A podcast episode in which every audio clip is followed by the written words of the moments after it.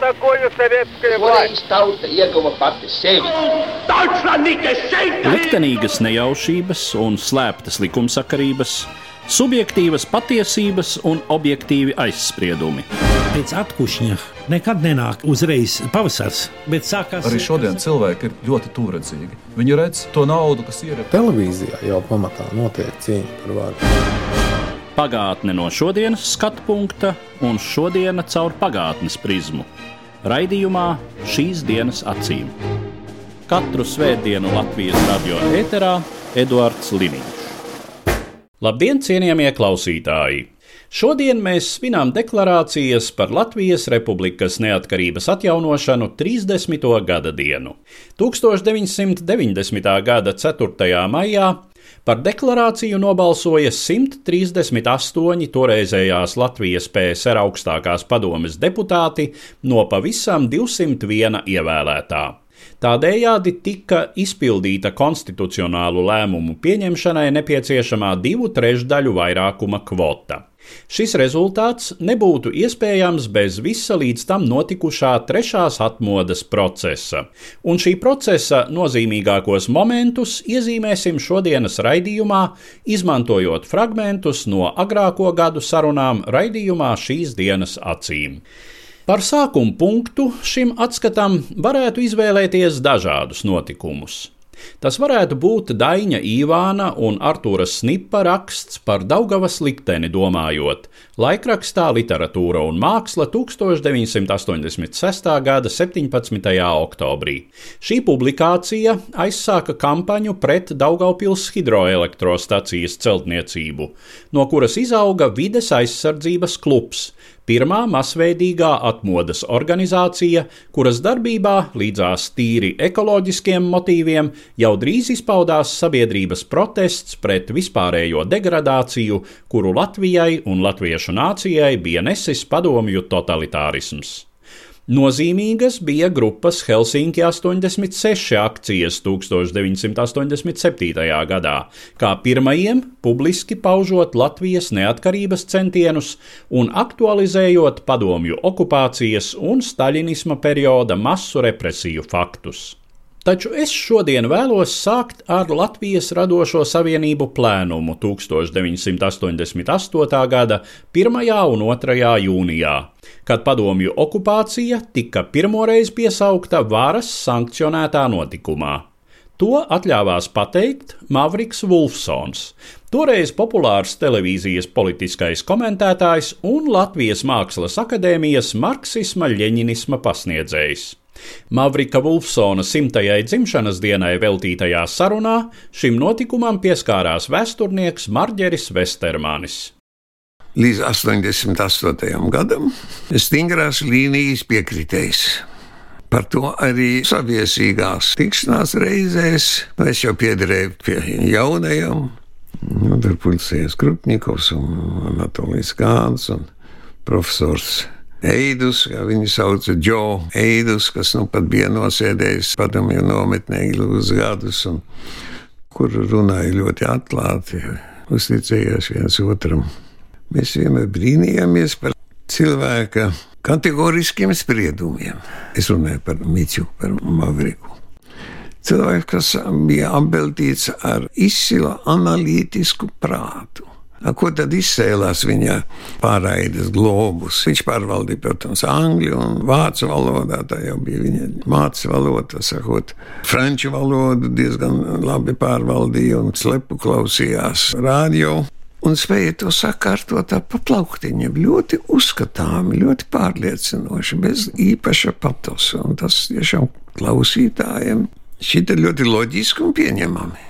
Viņa pēkšņā Es teiktu, tā kā nāves silpi, ka lidotājs izdara pēkšņi. Es biju klāt arī Radošā savienība kongresā, kā žurnālistu savienības biedrs. Blakus viņam sēdēja Ljubova Zīle, toreizējā partijas vēstures institūta vadītāja. Es neteiktu, ka mēs bijām satriekti. Nu, būtībā tas jau nebija nekāds jaunums. Un Akadēmiķa Drīzdaļa apgalvojums, ka Latvija 40. gada pavasarī ir briedusi revolūciju, to jau neviens vēsturnieks nevarēja pieņemt. Mēs sēdējām ar ļoti tuvu senu paziņu, Rutu Marjāšu, Šācu Marjāšu. Ko tad nu Miķa tagad teiks? Attiecībā uz 1940. gada vasaru notikumiem, kuriem bija absolūti unikāla Vēsturiska pagrieziena loma latviešu tautas likteņos. Esmu pēdējo mēnešu laikā saņēmis ap 200 vēstuļu no visām republikas malām, kura autori ir vecākas paudzes pārstāvi - skolotāji, kultūras darbinieki, agronomi, veterināri, zemkopji. Man sveši cilvēki, kas ir dzīvojuši 1940. gada vasarā un bijuši to notikumu acu liecinieki. Viņi kategoriski noraida mūsu versiju par revolucionāru situāciju Latvijā. Un šis viedoklis, diemžēl, par cik es esmu pasniedzējis un daudz tiekos ar mūsu jaunatni, no šīs vecākas paudzes uzskatiem ir pārgājis arī jaunatnes vidū, kur izturās galīgi skeptiski pret mūsu, ne tikai skeptiski, bet noraidoši pret mūsu versiju attiecībā uz notikumiem 40. gadā. Kas tāds izskan šajās vēstulēs visās? Visās vēstulēs izskan pārliecība, ka padomju varas izveidošana Latvijā ir izlemta 1939. gada 23. augustā PSRS un Hitleriskās Vācijas neuzbrukšanas līgumam pievienotā slepena protokola pirmajā pantā Tas ir Latvijas liktenis, ir determinēts Molotova un Ribbentropa līgumā. Es atgādināšu šī pamata tekstu. Teritoriālu un politisku pārvērtību gadījumā Baltijas teritorijā, iekavas Somija, Igaunija, Latvija un Lietuvā, Lietuvas ziemeļu robeža vienlaicīgi ir Vācijas un PSRS interešu sfēru robežā. 1939. gada 28. septembrī tiek pierakst, parakstīts otrais protokols, saskaņā ar, ar kuru arī Lietuvā tiek iekļauta PSRS interešu sfērā. Un šai dokumentā jau minēts, ka PSRS savas intereses īstenos ar īpašiem pasākumiem. Tāds īpašs pasākums bija 40. gadā 14. jūnijā ultimāts Lietuvai un Lietuvas ieņemšana septiņu stundu laikā. 15. jūnija pievakarē ģenerāļa Pavlova armijai sasniedzot plašā frontē Latvijas dienvidu robežu. 16. jūnijā 12.30 Latvijas sūtnim Krieviņa Maskavā tika iesniegta nota ultimāts ar nedzirdētu saturu, kura pieprasīts nekavējoties sastādīt Latvijai tādu valdību, kas nodrošinātu PSRS un Latvijas savstarpējā palīdzības līguma izpildi. Un otrkārt, es citēju, bez kavēšanas nodrošināt padomju karaspēka daļu brīvu ielaišanu Latvijas teritorijā. Nota bija teikts, ka atbilde jādod 8 līdz 9 stundu laikā. Ja līdz 20.00 netiks saņemta pozitīva atbilde, sarkanā armija tāpat ies Latvijā.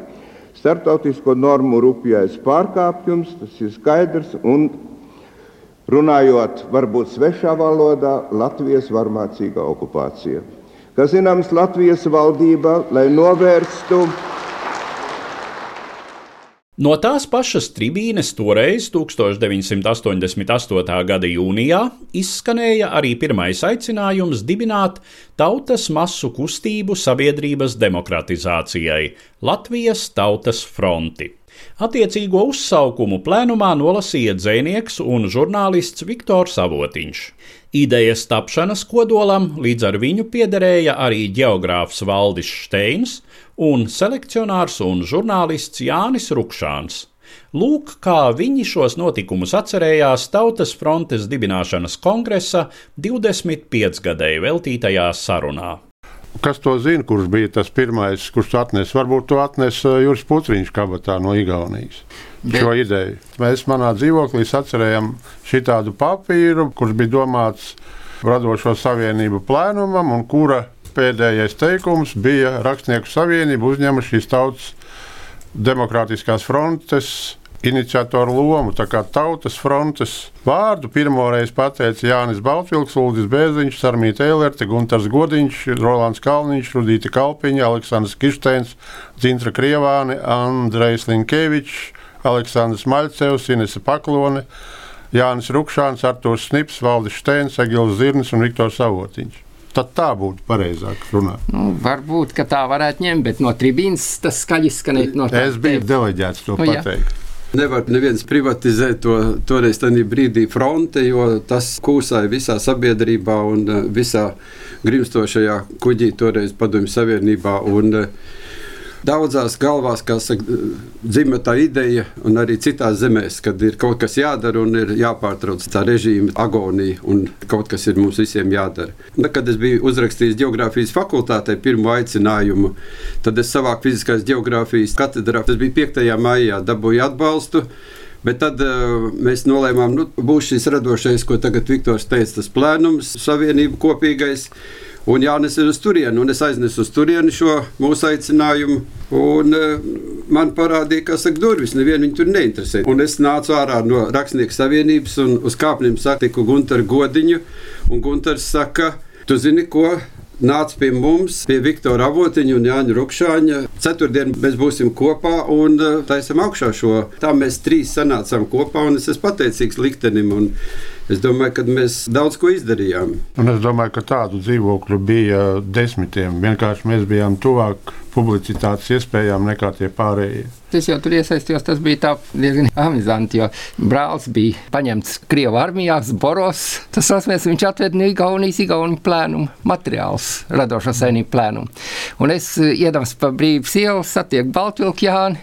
Un es viņam saku, klausies, Jānis, vai mums arī nevajadzētu Latvijā tādu plēnumu taisīt? Viņš saka, mēs jau gatavojamies tādam. Nāciet pie Viktora Avotiņa šodien, mums ir pirmā sanākšana, un tā es tur iekļāvos tajā darbā. Čaka dzīvoklī. Komunālais dzīvoklis toreiz bija tur. Pirms manis bija dzīvojuši vēl vairāki rakstnieki, un vēl bija dzīva Čaka radiniece Emīlija Brieškalna.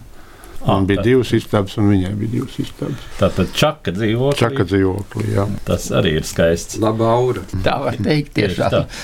Neatkarīgi pirmo reizi tas jautājums pacēlās jau pirmajā kongresā faktiski. Man toreiz bija nolemts, ka man vārdu nedos, jo es skaitījos pārāk radikāls elements.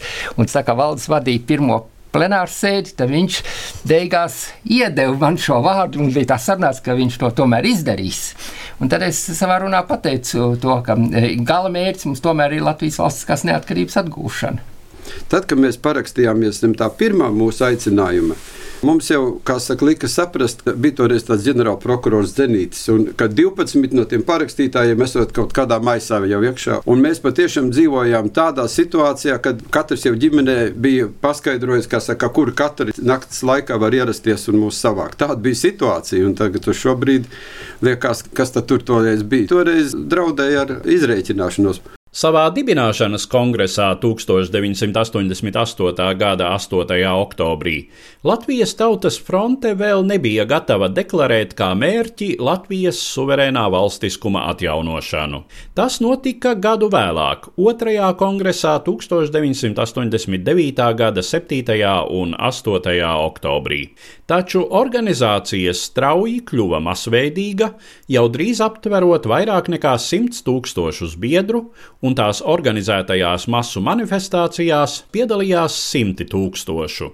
Par starptautiski pamanītāko notikumu kļuva trīs Baltijas tautas kustību kopīgā akcija Baltijas ceļš 1989. gada 23. augustā Staļina Hitlera jeb Molotova-Ribbentropa pakta 50. gada dienā. Baltijas ceļa 25. gadsimtā to atcerējās vācu vēsturnieks, Hamburgas Universitātes Ziemeļaustrum Eiropas pētniecības centra pētnieks Detlefs Hennings, kurš tobrīd kā students bija saņēmis atļauju gadu ilgam mācību braucienam uz Latviju un uzturējās Rīgā.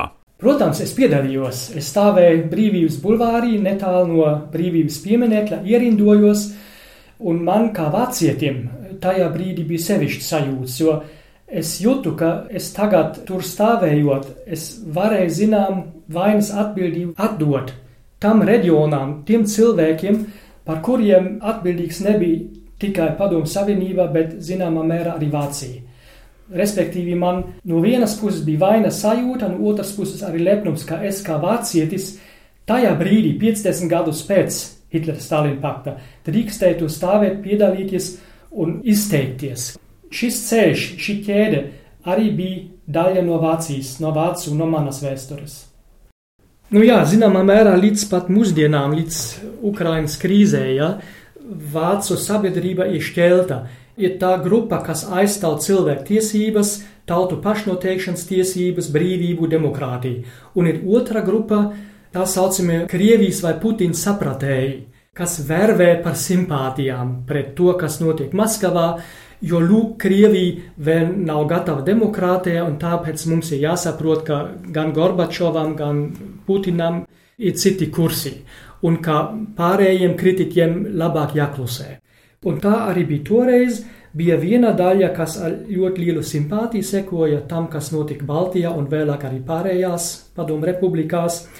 Un bija tie, kas saka, nē, šie nemīri, lai gan tie arī ir vērsti uz demokrātiju, uz brīvību, uz mūsu Eiropas vērtībām, traucē to lielo ceļu, to ceļu, ko Gorbačovs grib liberalizēt visu padomu savienību. Un šajā ziņā es domāju, ka Baltijas ceļš, cilvēku ķēde, Valdīs ceļam bija izšķirošs momentiņš, jo arī toreiz ar vien spēcīgāk attiecīgi uz sabiedrības ietekmēšanu kļuva bilžu vara. Un šis ceļš nedēvē tikai ziņas vai informāciju, bet beidzot deva arī bildes cilvēku apziņām. Un šī bilde, kā simt tūkstošiem cilvēkiem, kā viņi to stāv un, un veido tā ķēde, kas bija vienreizējs notikums, man liekas, cilvēku vēsturē miermīlīgi, ja, ar Gandhi piemēru, kas beidzot veda vācu valdību arī zināmā strupceļā, jo sabiedrība simpātijas simtprocentīgi bija par demokrātiskām kustībām Baltijas valstīs, bet 9. novembrī mūris bija kritis, un Vācijas valdībai bija vajadzīgi stabila padomu savienību, lai vest līdz galam Vācijas atpakaļ apvienošanu. Un tas faktiski līdz augusta pučam Vācu valdībai tā bija liela problēma. Bet es domāju, galu galā Kols diezgan labi šo strupceļu, šo konfliktu arī varēja atrisināt. Viņš ļāva sabiedrību izveidot savu politiku, bet viņš vispirms izved līdz garam to apvienošanas politiku, un pēc tam tikai viņš atzina Baltijas neatkarību. Zināmā mērā tā politika arī bija sava loģika, un tā bija prātīga. Mēs jau Baltijā un Latvijā labprāt domātu, ka zināmā mērā mēs ar šo savu piemēru motivējām un varbūt veicinājām kaut kādas ātrākas pārmaiņas demokratizācijas virzienā arī Austrum Eiropā, nu tā izskaitā varbūt Vācijā. Es jums piekrītu, ka tas bija stimulējoši, lai gan tas līdz mūsdienām maz zināms. Mēs joprojām vairāk domājam par to, kas notika Austrumvācijā, par mūras krišanu, par notikumiem Ungārijā, Čehijā, par Poliju, protams, un tas, kā faktiski baltiešu uzvedība noveda pie, kā Putins teica, lielākas ģeostrateģiskas katastrofas pagājušā gadsimta par Padomu Savienības sabrukumu, mūsu apziņā pārāk maz ir zināms. Un es domāju, ka Baltijas valstīm arī vairāk ar šo pieredzi jāiet uz ārpusi un vairāk šī pieredze ir jāpropagandē. Un tur ļoti interesants arī vēl viens momentiņš, proti īsi pēc Baltijas tautas fronšu dibināšanas līdzīgas organizācijas tika dibināts arī pārējās padomu savienības republikās līdz tāliem austrumiem. Un, ja skatās uz toreizējo situāciju, tad ir skaidrs, ka sevišķi tas miermīlīgais moments bija izšķirošais tam, ka arī pārējās padomu republikās padomu savienības sabrukums notika diezgan salīdzinoši miermīlīgi. Un šajā ziņā Es domāju, vēl vairāk Baltijas ceļš, Baltijas tautas frontes ieguvums būtu jāpopularizē Eiropas vēstures ietvaros, lai rādītu, ka tieši Baltijas valstis ir atbildīgas arī par to, ka padomu savienības sabrukums nebeidzas ar pilsonu karu, ar līdzīgiem notikumiem, kā šajās dienas Ukrainā, bet ļoti miermīlīgi, civilizēti un tikai faktiski parlamentārā ceļā un juridiskajā ceļā. Izņemot, protams, tos nelielus salīdzinājumā, nelielus notikumus pie Viņas televīzijas torni un, un eh, Rīgas iekšļietu ministrijā janvāra barikāžu dienās. Norises gadā pirms 1990. gada 18. marta augstākās padomes vēlēšanām un 4. māja balsojuma atceras toreizējais Tautas frontes priekšsēdētājs, publicists Dainis Īvāns. 89. gada oktobrī es kļuvu par otrais pārvēlēto Latvijas Tautas frontes priekšsēdētāju.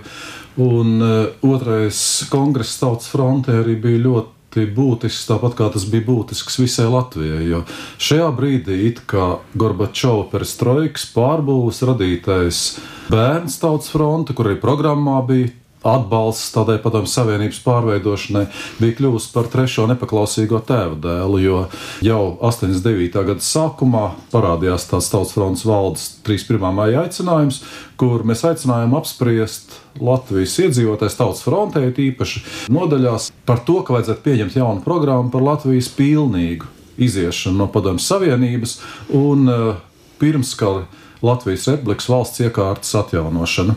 89. gads vispār bija tāds liels lūzuma gads visā Austrum Eiropā, un tas arī izšķīra Austrum Eiropā totalitārismu demontāžas procesu, jo ļoti daudz tautas, ne tikai mūsējā, vien daudz izteica savu izvēli par pavisam citu, par rietumniecisku ceļu, par virzīšanos projām no Kremļa, no tās Kremļa totalitārās politikas. Pirmā bija Polija, kas mums bija liels piemērs, kur šajā 89. gada sākumā pirmo reizi uzvarēja alternatīvās vēlēšanās, un solidaritāte praktiski gāza nevarmācīgā ceļā parlamentāri visu Polijas komunistisko Jerozeļska režīmu.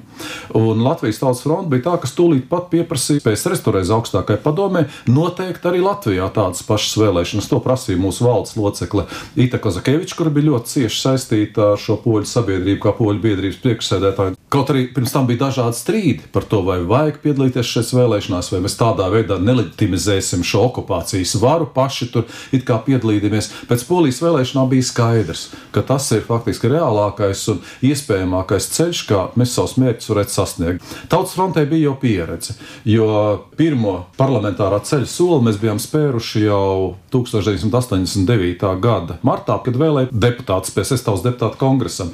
Un šajās vēlēšanās Tautas fronte guva diezgan ievērojumu uzvaru panākums, kas mūs iedvesmoja tālākiem soļiem. Jo no 52 no Latvijas ievēlētajiem PSRS tautas deputātu kongresa deputātiem 40 bija tautas fronts kandidāti.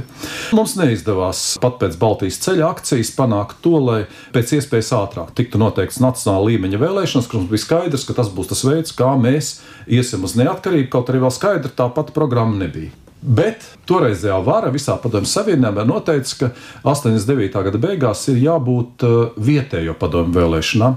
Nu, vietējo padomju vēlēšanas, tāpat kā visas vēlēšanas padomju laikā, bija arī tāda zināma fikcija, bet Gorbačova laiks atkal tur pieļāva tādu alternatīvu.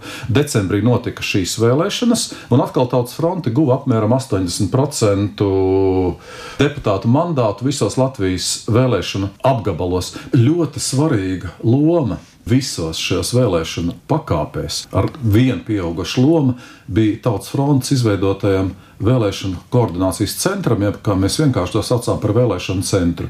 Ar Zviedrijas Tautas fronts nodaļas galvenokārt ar Atlēņa un Kristīnas Čakas palīdzību mums izdevās norganizēt, ka Zviedrijas toreizējā pie varas esošā partija, sociāldemokrāti, organizēja profesionālus vēlēšanu kursus šiem mūsu cilvēkiem uz piecām dienām. Viņi aizbrauca uz Zviedriju, un Zviedri viņiem palīdzēja izveidot sistēmu vēlēšanās. Un tāpēc jau uz vietējo padomu vēlēšanām pilnīgi varēja just Latvijā, ka Latvijas Tautas fronts vēlēšana kampaņa ir krietni pārāka tādas profesionālitātes ziņā un varbūt tādā ziņā, ka tā prata uzrunāt un iedarboties vairākus cilvēkiem nekā komunistiskās partijas taktika. Jo komunistiskā partija strādāja pēc vecā principa. Partijas komiteja izvirza un mēs balstam. Un, protams, mums bija skaidrs, ka šajā Latvijas pēc augstākajā padomē, lai viss būtu saskaņā ar PSRS likumiem, lai ne Gorbačovam, nekādam citam Kremlī nebūtu nekāda juridiska iegansta sūtīt pret mums tankus. Mēs paziņojam, mēs rīkojamies saskaņā ar PSRS un Latvijas PSR konstitūciju.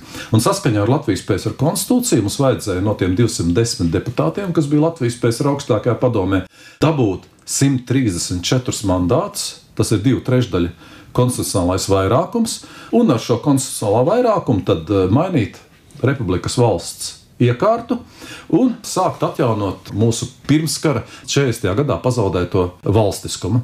Ar Leišu sajūdi, ar Igaunu Rahvarini mēs bijām tā vienojušies, tad, kad mēs dabūsim šo vairākumu, tūlīt konsultēsimies, kādām ir jābūt tām deklarācijām, ko mēs pirmajā sesijā pieņemsim.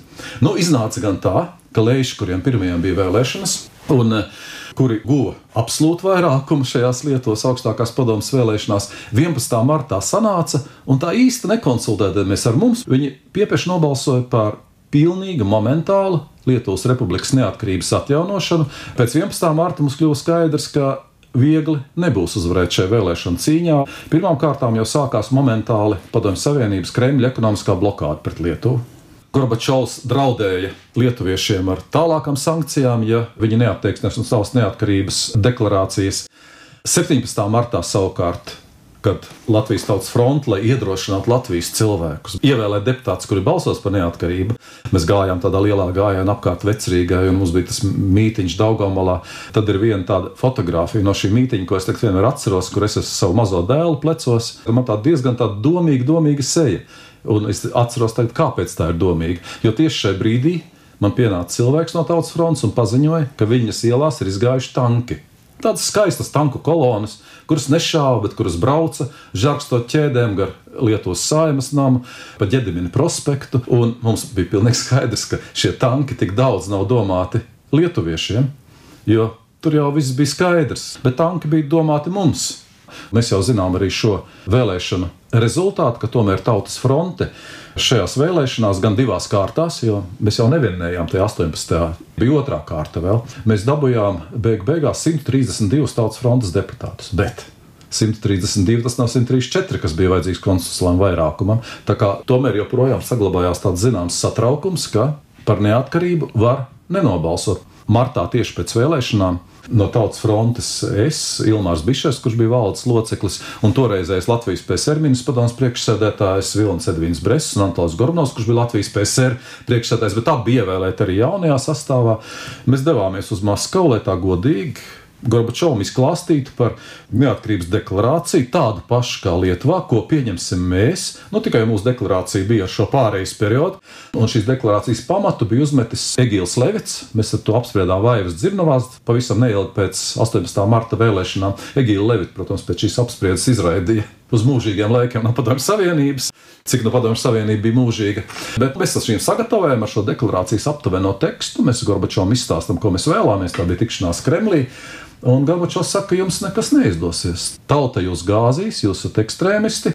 Un viņš teica, ja jums izdosies šo apvērsumu sarīkot, viņš teica, tā kā Landsbergam, kurš tumsā naktī man nezinot, to visu ir izdarījis, tad tādā gadījumā viņš teica, saštusī tauta, izveidos Daugopils tautas republiku, izveidos Visaginas tautas republiku Lietuvā, kur bija atomelektrostacija un dzīvoja daudz krievu tautības cilvēku, un izveidos Narvas tautas republiku.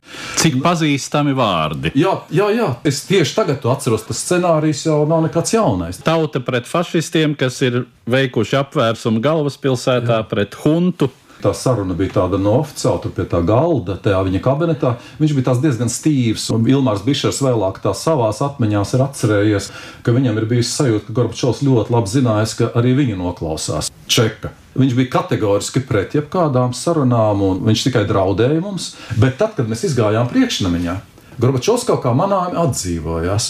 Ne jau viņam pārliecība bija mainījusies, bet viņš runāja daudz brīvāk, un viņš tagad pie mums tā kā dombiedriem mēģināja pielabināties un izdibināt, piemēram, ko ar to Landsbergu darīt. Viņš saka, ja nu, Ilmārs Bišers saka, nu neko, viņš labāk kļūs par parastu līķi, nevis par politisko līķi. Un tad mums tā saruna bija tāda drusku cilvēciskāka. Viņš teica, un tad jūs paliekat pie sava, un mēs sakām, paliekam pie sava. Un tad viņš pienāca pie manis klāt, kratīja pirkstu, viņš teica, biedri Ivāna, jūs esat spējīgs, jauns, perspektīvs cilvēks, nebojājiet sev dzīvi. Viņš teica, man uz galda ir viss tas, ko jūs par mums, par mūsu padomu savienību sakāt ārzemēs. Tā laikam bija pēdējā reize, kad tikos ar Gorbačovu visā šajā periodā. Ārkārtīgi svarīgi bija tas, ka 18. martā tomēr visa latviešu tauta pati izvēlējās, kādu ceļu mums iet. Un lai neviens, piemēram, pēc šī 18. marta vēlēšanām nesaka, kāds mums brīvību uzdāvināja. Neviens neuzdāvināja. Mums pašiem vajadzēja izvēlēties. Tas ir varbūt veiksmīgais tautas frontes ilglaicīgais darbs, jo tomēr ir liela daļa nelatviski runājošo iedzīvotāju bija sapratuši, ka kaut kādas pārmaiņas un pozitīvas pārmaiņas var nest tikai tautas fronte, kas strādāja pilnīgi savādāk. Viss Latvijas pamatā arī šis iedzīvotāju kopums, jā, arī kas balsoja par tautas fronti, viņi balsoja pirmām kārtām par brīvību. Līdz ar to izskan mūsu raidījums, kurā pieskārāmies procesiem, kuri tuvināja 1990. gada 4. māja deklarācijas par Latvijas Republikas neatkarības atjaunošanu, pieņemšanu šo procesu dalībnieku acīm. Raidījumā dzirdējāt vēsturnieku Marģeri Vestermani, dzinieku un publicistu Viktoru Avotiņu, selekcionāru un žurnālistu Jāni Rukšānu, geogrāfu Valdi Steinu, vēsturnieku Detlefu Henningu un publicistu kādreizējo Latvijas Tautas frontes priekšsēdētāju Daini Īvānu. Priecīgus svētkus, cienījamie klausītāji! Katru svētdienu Latvijas radio viens par pagātni sarunājas Eduards Līniņš.